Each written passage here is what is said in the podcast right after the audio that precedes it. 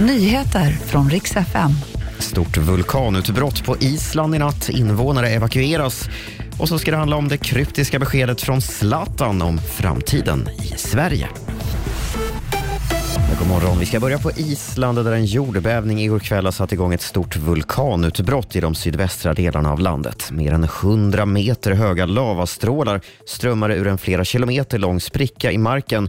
Och detta i närheten av fiskestaden Grindavik där alla invånare har evakuerats. Det finns inga uppgifter om att någon har skadats. Nu ska vi till Stockholm där det så kallade partyknarkandet har ökat markant. Det här är slutsatsen efter att avloppsvattnet i huvudstaden har analyserats. Det här skriver TV4 Nyheterna.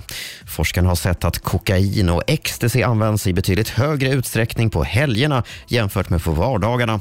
Man kan också se lokala variationer inom stan. Exempelvis att amfetamin är vanligast kring Södermälarstrand på Södermalm medan cannabis dominerar i Järvaområdet. Sist ska det handla om Zlatan och hans lite kryptiska besked om framtiden i Sverige. Förra veckan blev han ju klar för en återkomst i AC Milan som rådgivare och igår kom också ett inlägg på X, tidigare Twitter, där han skrev kort och gott “Hej Sverige, snart är jag tillbaka”. Vad Zlatan menar återstår att se, men spekulationerna är förstås i full gång.